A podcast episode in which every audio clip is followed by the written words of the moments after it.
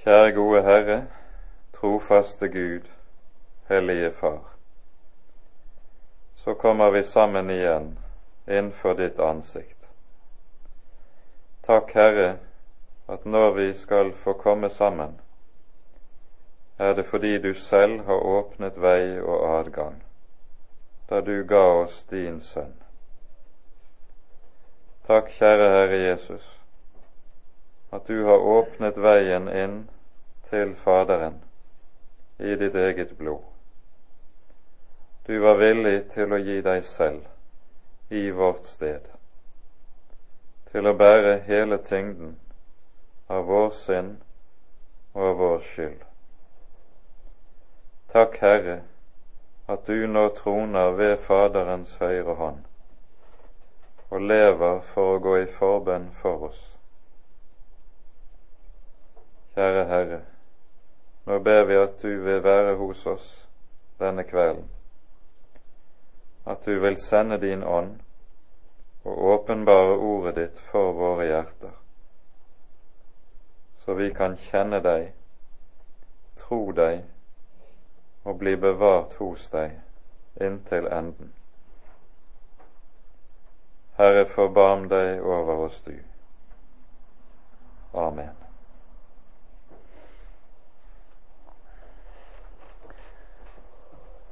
Sist gang vi var samlet om eh, åpenbaringsboken, var vi igjennom kapittel fire. Og med det fjerde kapittelet så tas vi inn i den himmelske gudstjenesten slik som vi møter den og møter meget av den i åpenbaringsboken. For mens vi i kapittel fire likesom introduseres for den himmelske gudstjenesten, så er dette noe som vi stadig på ny hentes inn i og dras inn i en rekke ganger videre utover i denne boken. Og så er det også slik da at dette kapittel fem, som vi nå skal gi oss i kast med, det er egentlig bare fortsettelsen på det fjerde kapittelet, slik at egentlig så burde vi tatt disse to kapitlene i ett, men det ville jo ført litt for langt. Men ha det i minne når vi nå leser kapittel fem sammen, at det står i sammenheng med og må leses i sammenheng med det vi hører i det fjerde kapittelet. Vi leser da fra kapittel fem og leser hele kapittelet i sammenheng. Jeg så i hans høyre hånd som satt på tronen en bokrull, skrevet innvendig og utvendig og forseglet med syv seil. Og jeg så en veldig engel som ropte med høy røst, Hvem er verdig til å åpne boken og bryte seilene på den? Og der var ingen, i himmelen eller på jorden eller under jorden, som kunne åpne boken eller se i den. Da gråt jeg sårt, fordi ingen ble funnet verdig til å åpne boken eller se i den. Og en av de eldste sier til meg, gråt ikke. Se, løven av Judas stamme, Davids rotskudd, har seiret og kan åpne boken og de syv seil på den. Og jeg så, midt imellom tronen og de fire livsvesener og de eldste, et lam stå der, like som slaktet det hadde syv horn og syv øyne. Det er de syv Guds ånder som er sendt ut over all jorden. Og det kom og tok den av hans høyre hånd, som satt på tronen. Og da det tok boken, falt de fire livsvesener og de 24 eldste ned for lammet, hver med sin harpe og med gullskåler fulle av røkelse, som er de helliges bønner. Og de synger en ny sang og sier:" Verdig er du til å ta boken og åpne seilene på den, fordi du ble slaktet og med ditt blod kjøpte oss til Gud, av hver stamme og tunge og folk og ett, og gjorde dem til et kongerike og til prester for vår Gud, og de skal være konger på jorden. Og jeg så, og jeg hørte en røst av mange engler omkring tronen, og livsvesenene og de eldste, og tallet på dem var ti tusen ganger ti tusen, og tusen ganger tusen. Og de sa med høy røst, Verdig er lammet som er slaktet, til å få makt og visdom, makt og rikdom og visdom og styrke, og ære og pris og velsignelse. Og hver skapning som er i himmelen og på jorden, og under jorden og på havet, og alt det som er i dem, hørte jeg si, Han som sitter på tronen og lammet tilhører velsignelsen og æren og prisen og styrken i all evighet. Og de fire livsvesener sa amen, og de eldste falt ned og tilba.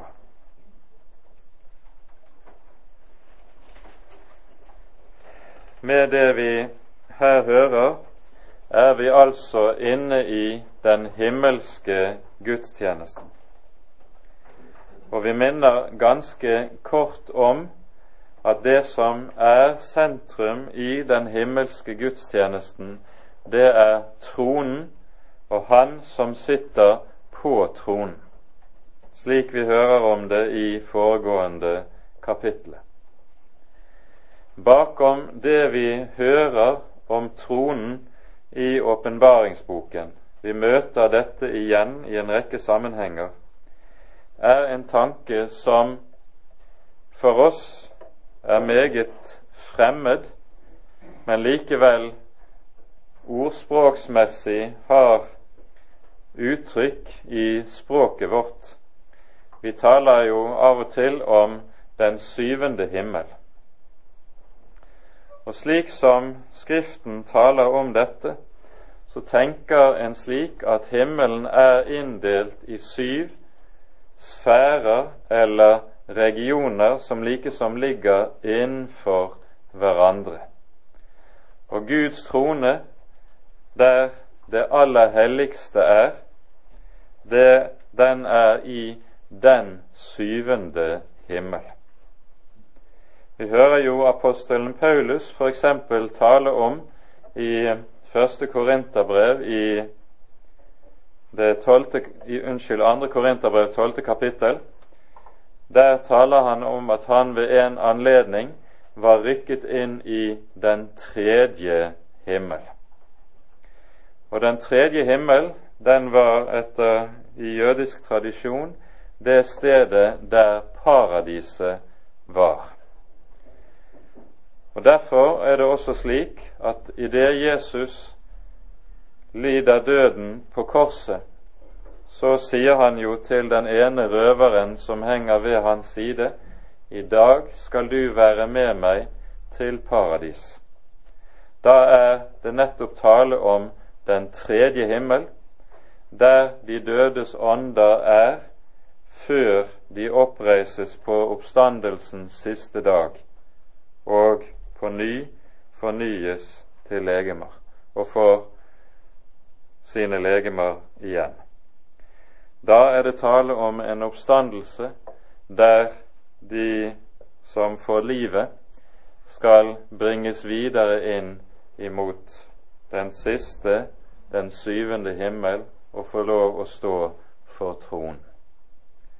Dette er altså en del av den tankeverden som ligger, eller virkelighet som ligger bakom det vi hører tale om tronen og det aller helligste i åpenbaringsboken.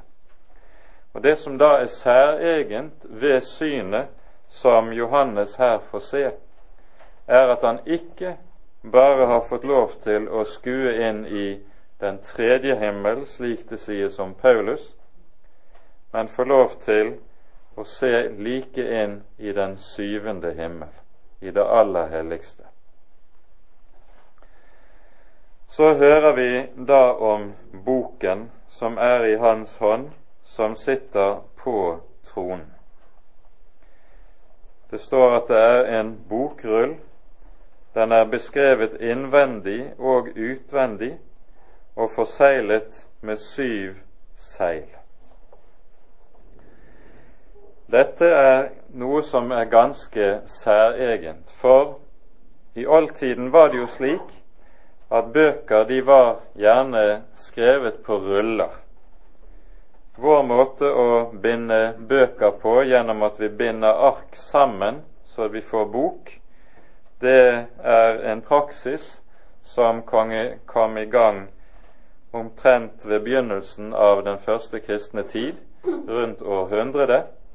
Før dette var det alltid ruller. Og Så sies det om denne rullen at den er beskrevet både innvendig og utvendig. Og Det var noe som slett ikke var vanlig. Det det sikter på, det er at rullen som er i Guds høyre hånd, det er den rull som ikke bare inneholder fremtiden. Det er ikke bare fremtidens bok, men det er en rulle som inneholder hele Guds råd til frelse. Og det er et råd som har sitt opphav allerede fra evighet av, fra begynnelsen av. I Jesaja-boken sies det i det 46. kapittel om Herren at Han er den som fra begynnelsen forkynner enden. Et meget særegent uttrykk. Han er den som fra begynnelsen forkynner enden. Samtidig som han sier altså om seg selv at han er begynnelsen og enden. Og det er dette Guds råd som strekker seg fra begynnelsen til enden, som ligger gjemt i rull. Men dette Guds råd, det er forseglet. Det vil si, det er stengt det er ingen som kan åpne og se inn i, i det. Og dette beskriver, beskrives med et annet ord i Bibelen som er meget viktig, og det er ordet mysterium.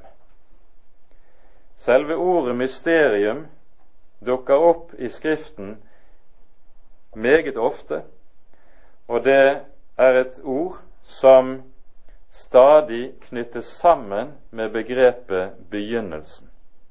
For mysteriet og begynnelsen henger sammen. Denne saken er angitt allerede i den 78. salmen, i, der vi leser et ord som Jesus også siterer senere i Matteusevangeliet.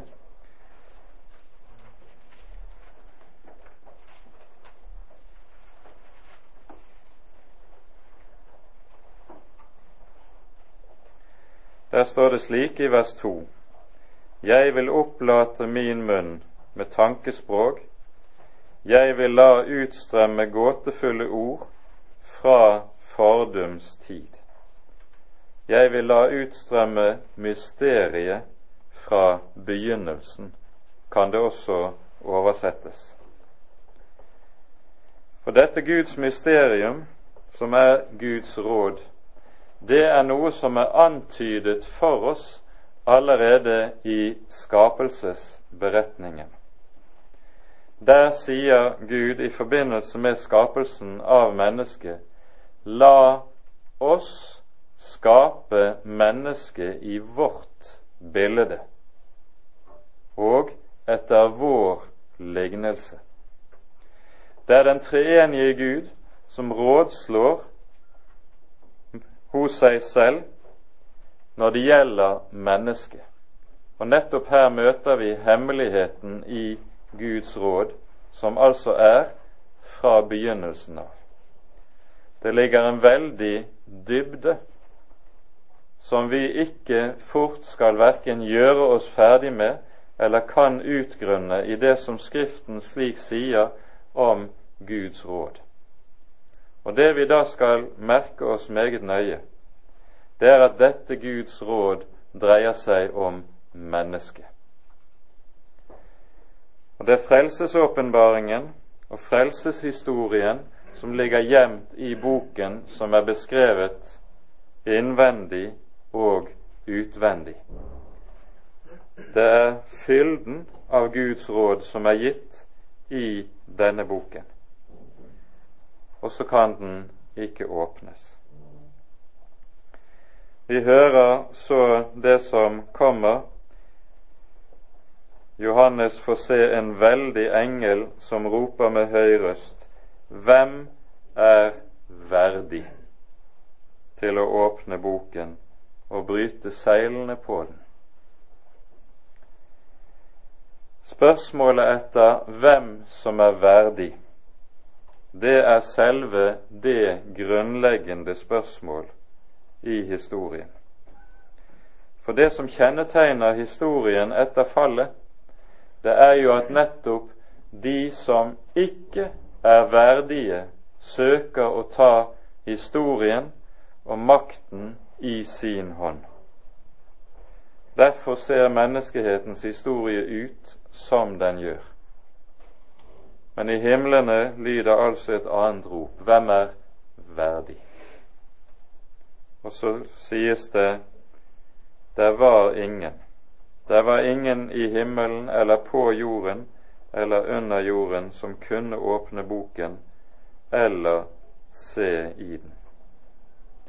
Dette betyr og sikter til det er ingen skapning det er intet skapt, verken i himmelen, selv blant de aller høyeste engler, som kan få se inn i dette mysteriet, inn i boken, ei heller noen blant menneskene, ei heller blant de som er under jorden.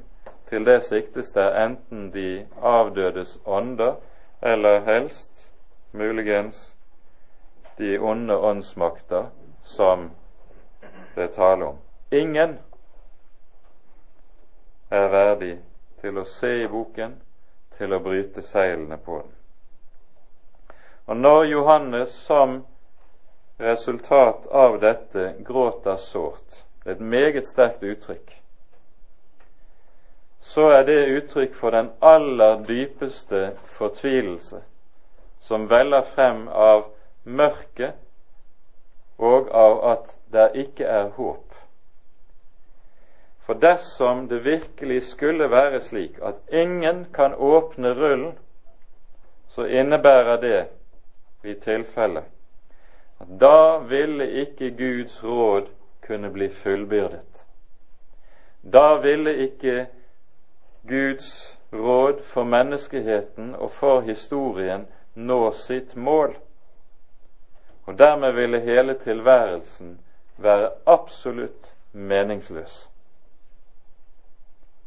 Og da var det å leve å leve helt uten håp. Det er dette som ligger bak i Johannes gråt. Da gråt jeg sårt, hører vi. Og da er det at han så får svaret en av de eldste. Vi husker hvem de eldste var.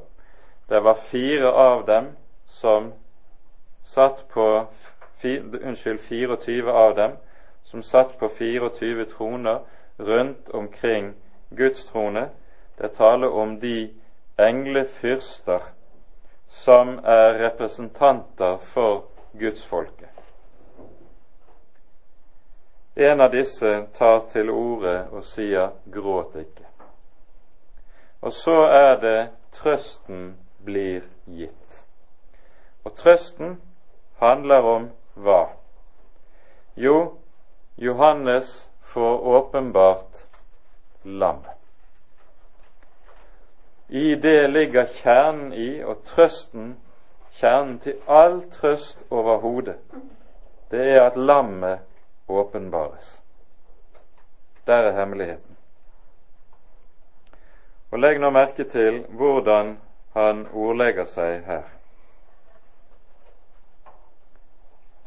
Gråt ikke, se, løven av Judas stamme, Davids rotskudd, har seiret og kan åpne boken og de syv seil på den. Det vi her skal legge merke til, det er at når der pekes ut en som er verdig, så pekes denne ut som verdig. Hvorfor? Av to grunner. For det første sies det han har seiret. For det andre gis han to bestemte navn her. Han kalles løven av Judas stamme og Davids rotskudd. Bokstavelig står det Davids rot.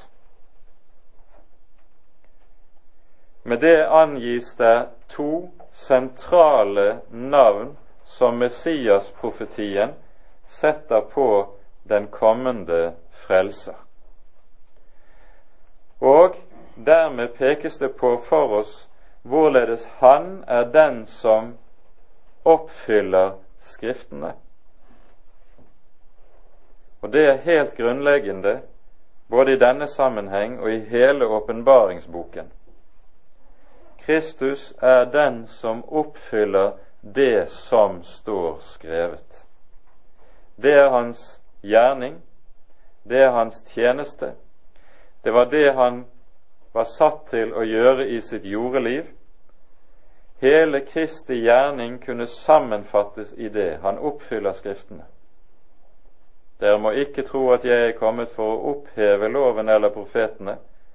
Jeg er ikke kommet for å oppheve, men for å oppfylle, sier Jesus i bergpreken. Nå er det tale om en annen bok, som han også er kommet for å være den som oppfyller og fullbyrder. Og så går han inn i denne gjerning. Han er den som er verdig nettopp til dette. Han er den som oppfyller. Hvorfor er han så verdig? Når han oppfylte Skriftene, så gjorde han det altså ved at han seiret. Så minner vi om det vi allerede har vært inne på tidligere, at ordet 'seier' i åpenbaringsboken, det er et ord som uløselig hører sammen med et annet uttrykk, nemlig det å holde ut inntil døden. Seieren er utholdenheten til døden. Og nettopp denne seier er det som kjennetegner lammet. Lammet er det som var lydig inntil døden. Så er han verdig.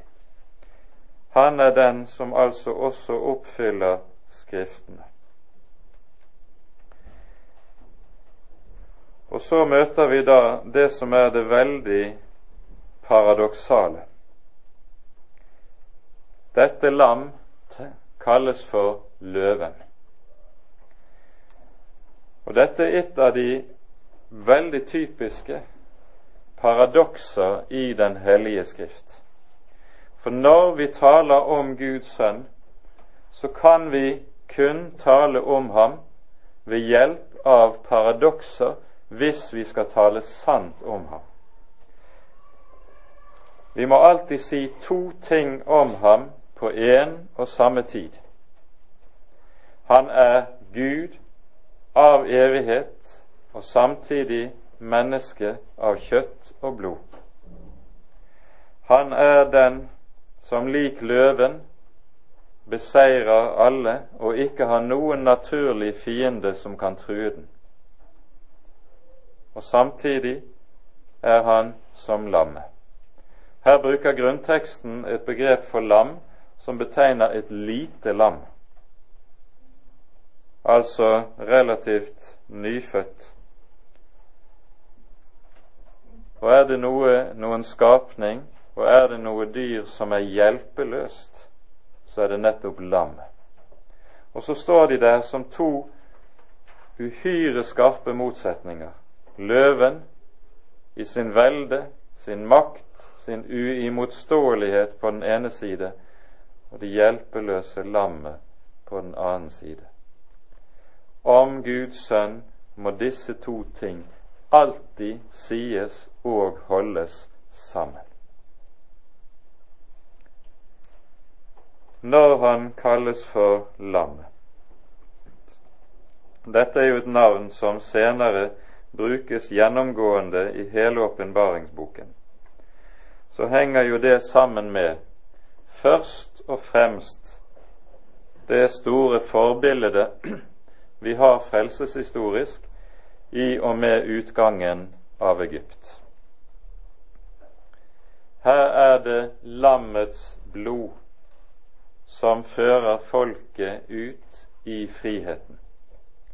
Lammets blod er det som skaper den veldige og avgjørende forskjell mellom de som blir forløst, og de som ikke blir forløst.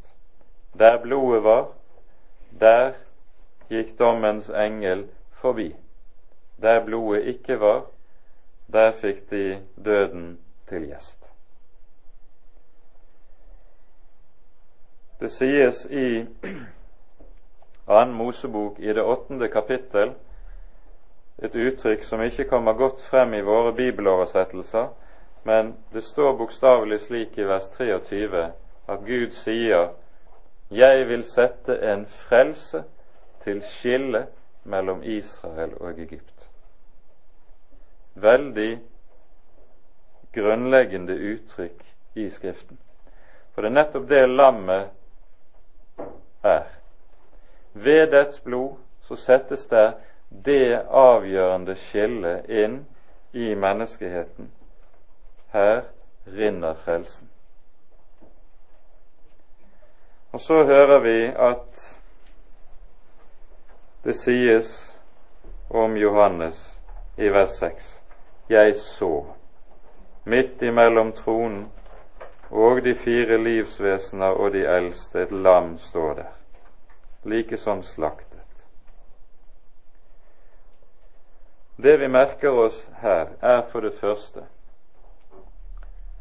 Johannes ser ingenting uten at det blir gitt ham og vist ham. Nå har han fått lov til å stå der en stund, se inn i det aller helligste i himlene, men han har enda ikke sett lammet. Selv det som er det mest sentrale, det er skjult for ham til det blir ham vist. Dette er ganske tankevekkende, for slik er det egentlig når det gjelder alle ting i Guds rike. Det er dypest sett slik at vi ser intet uten at det blir oss gitt, uten at det blir oss åpenbart. Det er ikke sånn at vi av naturen, like som av oss selv, kan se det som hører Guds rike til, slik vi kan se her i denne verden. I Guds rike er det slik at alt må åpenbares. Derfor sies, hører vi også følgende bønn i Davids salme 119. Opplat mine øyne så jeg kan skue de underfulle ting i din lov. De selvsagte ting, de kan enhver se. Men de underfulle ting, det som Guds ord er så fullt av, det må Herren på ny og på ny åpne øynene våre, så vi kan se. Det er det første vi merker oss i dette verset. Det andre vi merker oss, det er at det sies om lammet, det står midt imellom tronen og de fire livsvesener og de eldste. Det er med andre ord sentrum i himmelen. Det er sentrum for den himmelske gudstjenesten. Og Derfor er det også slik at når apostelen Paulus sier til menigheten i Korint, som vi hører det i 1. Korinterbrev 2 slik Jeg ville ikke vite av noe annet iblant dere enn Jesus Kristus og ham korsfestet. Så sier han oss at det samme skal gjelde om den kristne menighet, som vi her hører gjelde i himlene. Like som lammet er sentrum i himmelen, skal han også være sentrum i menigheten, i de troendes liv. Jeg vil ikke vite av noe annet iblant dere, sier han. For det tredje hører vi det sies om dette lam. Han så et lam stå der like som slaktet. Det innebærer noe som er meget grunnleggende. De sår lammet fikk under sin lidelse og død, de sårene bærer dette lam i all evighet. Naglemerkene i Jesu hender, de viskes ikke ut i og med oppstandelsen. De er der, sårene, etter smerten i all evighet. Og dette henger sammen med noe som er en veldig sannhet til trøst for Guds folk. For det som jo er saken når det gjelder oss, det er at i våre liv så setter synden og det vi selv både gjør og kanskje også utsettes for her i verden, det setter sår. Det setter merker på oss. Det kan sette så dype sår at de her i livet er umulig å lege. Vi kan selv gjøre ting som setter slike sår i oss, eller vi kan utsettes for slikt fra andre mennesker.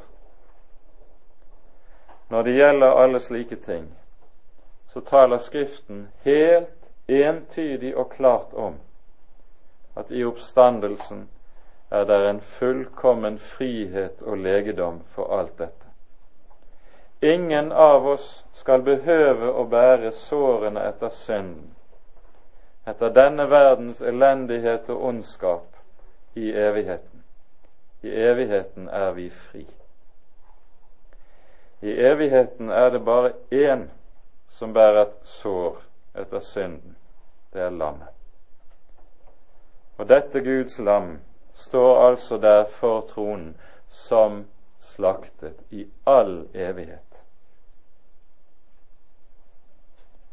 Og så bærer han disse merker som tegn på, som seil på, som pakt for at vi skal få være fri. Fullkomment fri. Lammet står der like som slaktet. Og så skal vi ta til oss døperens ord som det som er kjernen i alt kristent liv overhodet. Se det Guds lam som bærer verdens synd. Han er såret, han har båret, han har båret alt.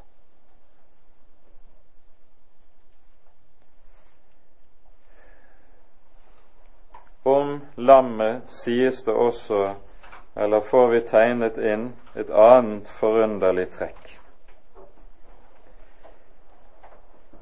Det sies om dette lammet det har syv horn og syv øyne, som er de syv Guds ånder som er sendt ut over all jorden. Når det gjelder den saken, så merker vi oss for det første at Ånden og lammet hører sammen. Ånden og lammet, kunne vi si, Ånden og korset, kan ikke skilles ad. I våre dager er dette noe som er uhyre avgjørende å understreke, fordi vi i dag ofte møter en type tale om Den hellige ånd som er slik at det er en ånd uten kors. Det er en ånd der det kun er tale om herlighet og glede, så å si. Det er ikke en ånd som er knyttet sammen med lammet og med korset.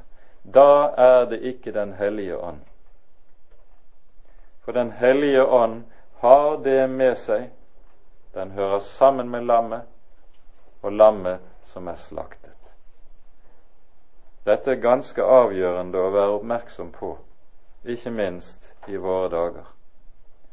Og så skal vi vite at der hvor vi møter den slags tale, om Ånden som ikke har dette liggende i bunn, der læres det falskt om Den hellige ånd. Jesus sier om Ånden Han skal herliggjøre meg, for han skal ta av mitt og forkynne dere. Og hva er det som er Kristi del, lodd og eiendom? Det er korset, det. Han skal ta mitt og forkynne dere. Slik er det nemlig Guds sønn vant seier ved korset. Og slik er det også Guds folk vinner seier ved det samme kors. Derfor har Ånden som sin gjerning ikke bare at han forkynner og maler korset for våre øyne, lammet som er slaktet, men han binder også oss sammen med korset, slik at korset blir ditt og mitt liv likeså. Og slik står lammet der i himmelen, like som slaktet. Og så hører vi om disse Guds ånder, de farer om over hele jorden. For disse Syvtallet er jo Åndens tall, slik som vi har vært inne på tidligere. Og der Ånden går ut på jorden, der skapes menighet. Og syvtallet er akkurat som det er Åndens tall, så er det menighetens tall. Det har vi vært innom tidligere, så vi utdyper ikke det mer i dag. Nå hører vi så i det syvende verset at det sies Og det kom, lammet kom og tok boken av hans høyre hånd som satt på tronen. Det vi hører sies her, det henger sammen med eh, ganske særlig det vi leser i Danielsboken i det syvende kapitlet. Her hører vi også om den himmelske gudstjenesten. Der, her får vi også se tronen der den gamle av dage har sete. Vi leser, vi leser om dette fra vers 9 i Daniels bok 7. kapittel. Og så lyder det fra vers 13 og 14 i dette kapittelet slik. Fremdeles fikk jeg i mine nattlige syner se hvorledes en som lignet en menneskesønn, kom med himmelens skyer. Han gikk bort til den gamle dager og ble ført frem for ham. Og det ble gitt ham herredømme og ære og rike, og alle folk, etter og tunge mål, skulle tjene ham. Hans herredømme er et evig herredømme, som ikke forgår, og hans rike et rike som ikke ødelegges. Lammet gikk frem og tok boken av hans hånd som sett på tronen. Dermed har lammet Guds råd i sin hånd. Dermed har lammet verdenshistorien i sin hånd. Dermed har lammet fremtiden i sin hånd. Fremtiden er ikke i våre hender. Det er i lammets hånd. Og det er det som kanskje er selve kjernen i det trøstebudskap som åpenbaringsboken har å komme med. For når vi nå etter hvert som fra kapittel 6 begynner fremtidssynene å utfoldes, når vi hører om alle de fryktelige ting som etter hvert skal komme over historien, så skal vi da ha den frimodige tillit som Guds folk at vi vet. Alt dette fryktelige som skjer, betyr ikke at Gud har mistet kontrollen over historien. Det betyr ikke at Gud har forlatt verden og overgitt den til seg selv. Boken ligger i lammets hånd. Hvordan det enn ser ut, lammet har alle ting i sin hånd. Så er det altså ikke tilfeldig at noe av det siste Jesus sier forut for sin himmelfart, det er ordene 'Meg er gitt all makt i himmel og på jord'. For det er dette vi nå ser inn i, i når vi får se inn i himlene. Det er dette Guds lam får del i, nettopp i kraft av sin seier på korset. For det er korset som er seieren. Og så skal lammet fullbyrde Guds råd. Vi kunne kanskje også nevne i denne sammenheng at det som Det nye testamentet lærer om disse ting, det henger også sammen med det vi hører i fristelsesfortellingen i Matteusevangeliets fjerde kapittel, der vi hører om Jesu fristelse i ørkenen. Her husker dere at den siste fristelsen den handler om at djevelen tar Jesus med seg opp på et meget høyt fjell, viser han all verden og dens herlighet, og sier alt dette vil jeg gi deg hvis du vil falle ned og tilbe meg. Når Jesus kommer til verden som Gud i menneskelig kjød, så kommer han til verden nettopp med det mål for øye at han skal ha all makt i himmel og på jord. Djevelen gir han tilbud om akkurat den samme. Men det som er djevelens poeng, er at han kan nå dette mål uten korset. Men det dette mål skulle Jesus nå ene og alene ved å gå veien om korset. Det er lammet som er slaktet, som har all makt i himmel og på jord. Så kan Jesus si i Matteusevangeliets ellevte kapittel også alle ting er meg overgitt av min Fader. Alle ting. Det er dette som er så å si kjernen i all den trygghet et Guds barn kan ha i møte med de mange ting som kan ramme her i verden. Og så hører vi fra vers 8. Da det tok boken, falt de fire livsvesener og de 24 eldste ned for lammet. Hver med sin harpe, med gullskåler fulle av røkelse, som er de helliges bønner. Vi minner om at i denne sammenheng så ser vi igjen hvordan tempelet i Jerusalem og tempeltjenesten der, det er det som er bildet av den himmelske herligheten. For det var jo slik i tempelet i Jerusalem at det er levittene, prestestammen, som står for og leder lovsangen i helligdommen. de var også de som var opplært i å traktere instrumentene.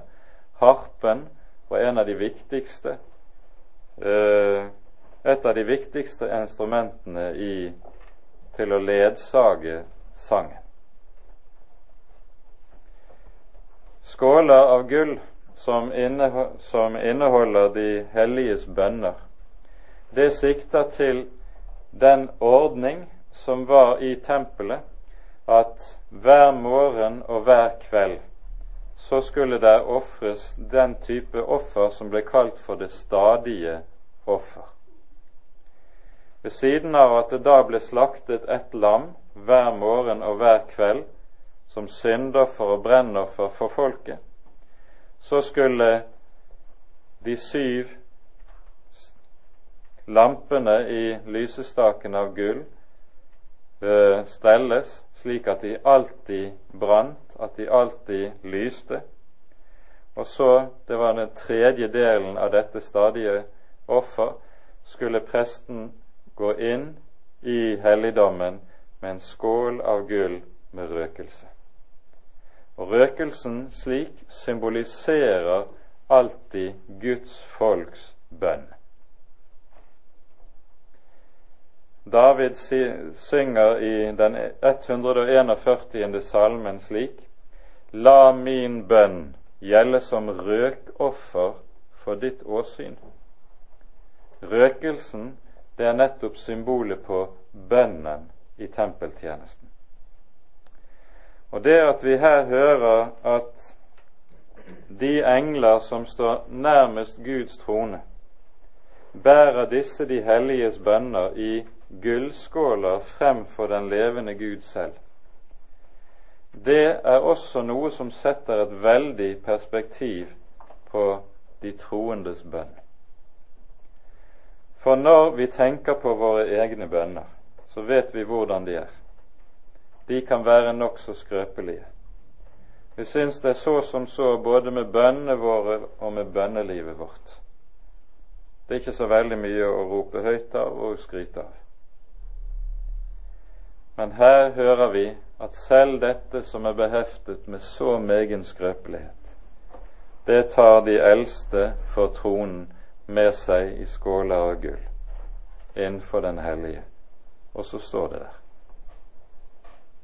Så står det der. Og at bønnene blir hørt, henger jo sammen med at det er et lam som er slaktet. Derfor ble røkelsen alltid båret frem sammen med at lammet var slaktet i tempelet. Det samme saken som går igjen, og som liksom er en rød tråd i dette. Og så får vi glimt inn i det som er den himmelske liturgien igjen. For det sies i vers 9.: De synger en ny sang og sier:" Verdig er du til å ta boken og åpne seilene på den, fordi du ble slaktet og med ditt blod kjøpte oss til Gud, av hver stamme og tunge og folk og ett og gjorde dem til et kongerike og til prester for vår Gud, og de skal være konger på jorden. Det første vi skal merke oss her, er hvem det er som synger. I begynnelsen av kapittelet hørte vi det ble sagt ingen ble funnet verdig til å åpne boken eller se i den. Så kommer lammet som er verdig. Og hvem er det så som synger for det verdige Guds lam? Det er alle de som var uverdige. De synger, og de synger om lammet. Det er det første vi merker oss. For det andre skal vi merke oss at de som her er forsangere i den himmelske liturgien, det er englene. Det er de 24 eldste som vi her hører om. Og så kunne vi stille spørsmålet hvordan kan de si, som det her sies, verdig er du fordi du ble slaktet og med ditt blod har kjøpt oss til Gud? Da Jesus døde på korset, så døde han jo ikke for englene. hvordan kan så englene synge slik? Jo, slik synger de fordi de nettopp er forsangere for den frelste menighet. For dette er noe av det trekket som vi ser nettopp i den himmelske gudstjenesten, at det som er Guds folks sang, det er en, det vil si menneskenes sang nede fra jorden, det er en sang som stemmes ovenfra. Den stemmes ovenfra. Og det er det som er noe av det grunnleggende kjennetegnet ved den. Det tredje vi merker oss ved det som sies i dette verset, det er at denne sangen kalles for en ny sang. Og Det er også et særegent uttrykk i Den hellige skrift. For det første så er det slik at dette uttrykket det dukker nå opp for første gang i åpenbaringsboken. Hvorfor det? Tidligere har vi jo hørt om den himmelske gudstjenesten i kapittel 4. Og Der hører vi også om sangen som lyder for tronen. Men den sangen som der står omtalt, kalles ikke for en ny. Derimot, når det gjelder sangen for lammet, da kalles den for en ny sang. Dette henger sammen med det særegne at i kapittel fire, når vi føres inn i den himmelske gudstjenesten, så er temaet der skapelsen. Mens temaet i kapittel fem, det er forløsningen. Du kunne si skapelse og forløsning er de to hovedsirklene som er sentrum her. Og begrepet 'den nye sangen' det er et begrep som alltid hører sammen med forløsningen. Hvorfor? Jo, det henger sammen med det at begrepet 'ny', slik vi møter det her og en rekke andre steder i Skriften, det har en annen mening enn det vi vanligvis tenker i vår dagligtale. Vi tenker jo at ordet 'ny' det betyr noe som er nytt i tid. Det vil si, hvis noe er moderne f.eks., så er det nytt. Men den bruken av ordet 'ny' er ikke det som gjelder i Bibelen. Når Bibelen bruker dette begrepet, så betegner det noe som er kvalitativt annerledes enn det som hører denne verden til. Noe som altså ikke kommer fra syndefallets verden, det som hører til det gamle mennesket, den gamle verden som er undergitt syndens makt, men som kommer fra den nye verden, der nyskapelsen har trådt inn i kraft av forløsningen. Dette innebærer altså at den nye sangen det er altså ikke en sang som er moderne, men det er en sang som kommer fra den himmelske verden, og som er gitt i og med lammets blod. Det er alltid knyttet sammen med forløsningen. Og denne sangen er alltid like ny. Om den er sunget tusen ganger, så er den fortsatt ny fordi den kommer ovenfra. Den kommer ikke fra oss eller fra det gamle mennesket. Det er det som gjør at den kalles ny. Og om denne sangen sies det også i åpenbaringsboken i det 14. kapittel ingen kunne lære den sangen uten de som var kjøpt fra jorden. Det er altså noe særegent ved denne sangen som vi kommer til å komme tilbake til. Innholdet i sangen er klart. Det er en sang som like som lammet er sentrum i himmelen, så er lammet også sentrum i sangen. Det er lammet vi synger om. Dette skal også, Derfor er det også slik at dette så å si skal være malen for og læreboken for hvordan den kristne menighet skal synge når de kommer sammen. Så sies det om hva lammet har gjort. Med sitt blod har det kjøpt oss til Gud. Det sangen altså taler om, er hvilken pris forløsningen har kostet. Dere vet, sier Peter i sitt brev, at det er ikke med forgjengelige ting, med sølv eller gull, ble løskjøpt fra deres dårlige ferd som var arvet fra fedrene, men med blodet av et ulastelig og lyteløst lam. Det er en som har betalt en pris som er langt, langt høyere enn vi kan begripe det. Og det er om prisen, om det det har kostet ham, der synges.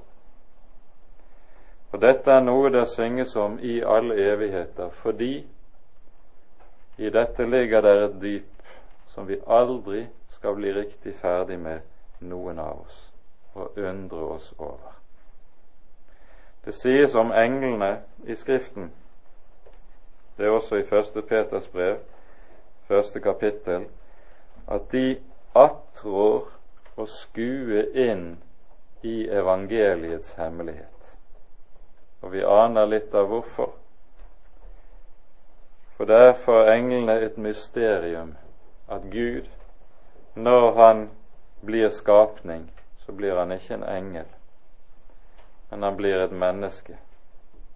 Det som er skapt av støv, det trer Gud inn i. Og han dør for de som er av støvet. Det er et mysterium. Så sier Skriften engler tar han seg ikke av, men Abrahams ett, den tar han seg av. Og så undrer englene seg over at Gud kan stige så dypt ned. Og så synger de, og så synger de den sangen som den kristne menighet senere alltid skal fortsette å synge med i. Så hører vi hvorledes denne sangen bølger frem og tilbake, og vi kunne si det i form av antifon eller responsorium, slik som sangen alltid har gjort det i den kristne gudstjenesten, der sangen blir vekselsang, der de ulike grupper i gudstjenesten svarer hverandre og synger så å si for og til hverandre som svar og gjensvar, som sang og som ekko til hverandre. Vi rekker ikke gå mer inn på alt dette men vi hører svaret til slutt. Verdig er lammet som er slaktet, til å få makt og rikdom og visdom og styrke, ære, pris og velsignelse. Og hver skapning i himmelen og på jorden og på havet og alt som er i dem, hørte jeg si. Han som sitter på tronen og lammet, tilhører. I Romerbrevets åttende kapittel sies det slik at all skapningen sukker i lengsel etter Guds barns forløsning. Det er det som er vilkåret her i tiden. Men når Johannes ser fremover mot fullendelsen, da er sukket som på en måte går gjennom hele skaperverket, det er byttet ut med denne sangen. Sangen for lammet. Verdig er du.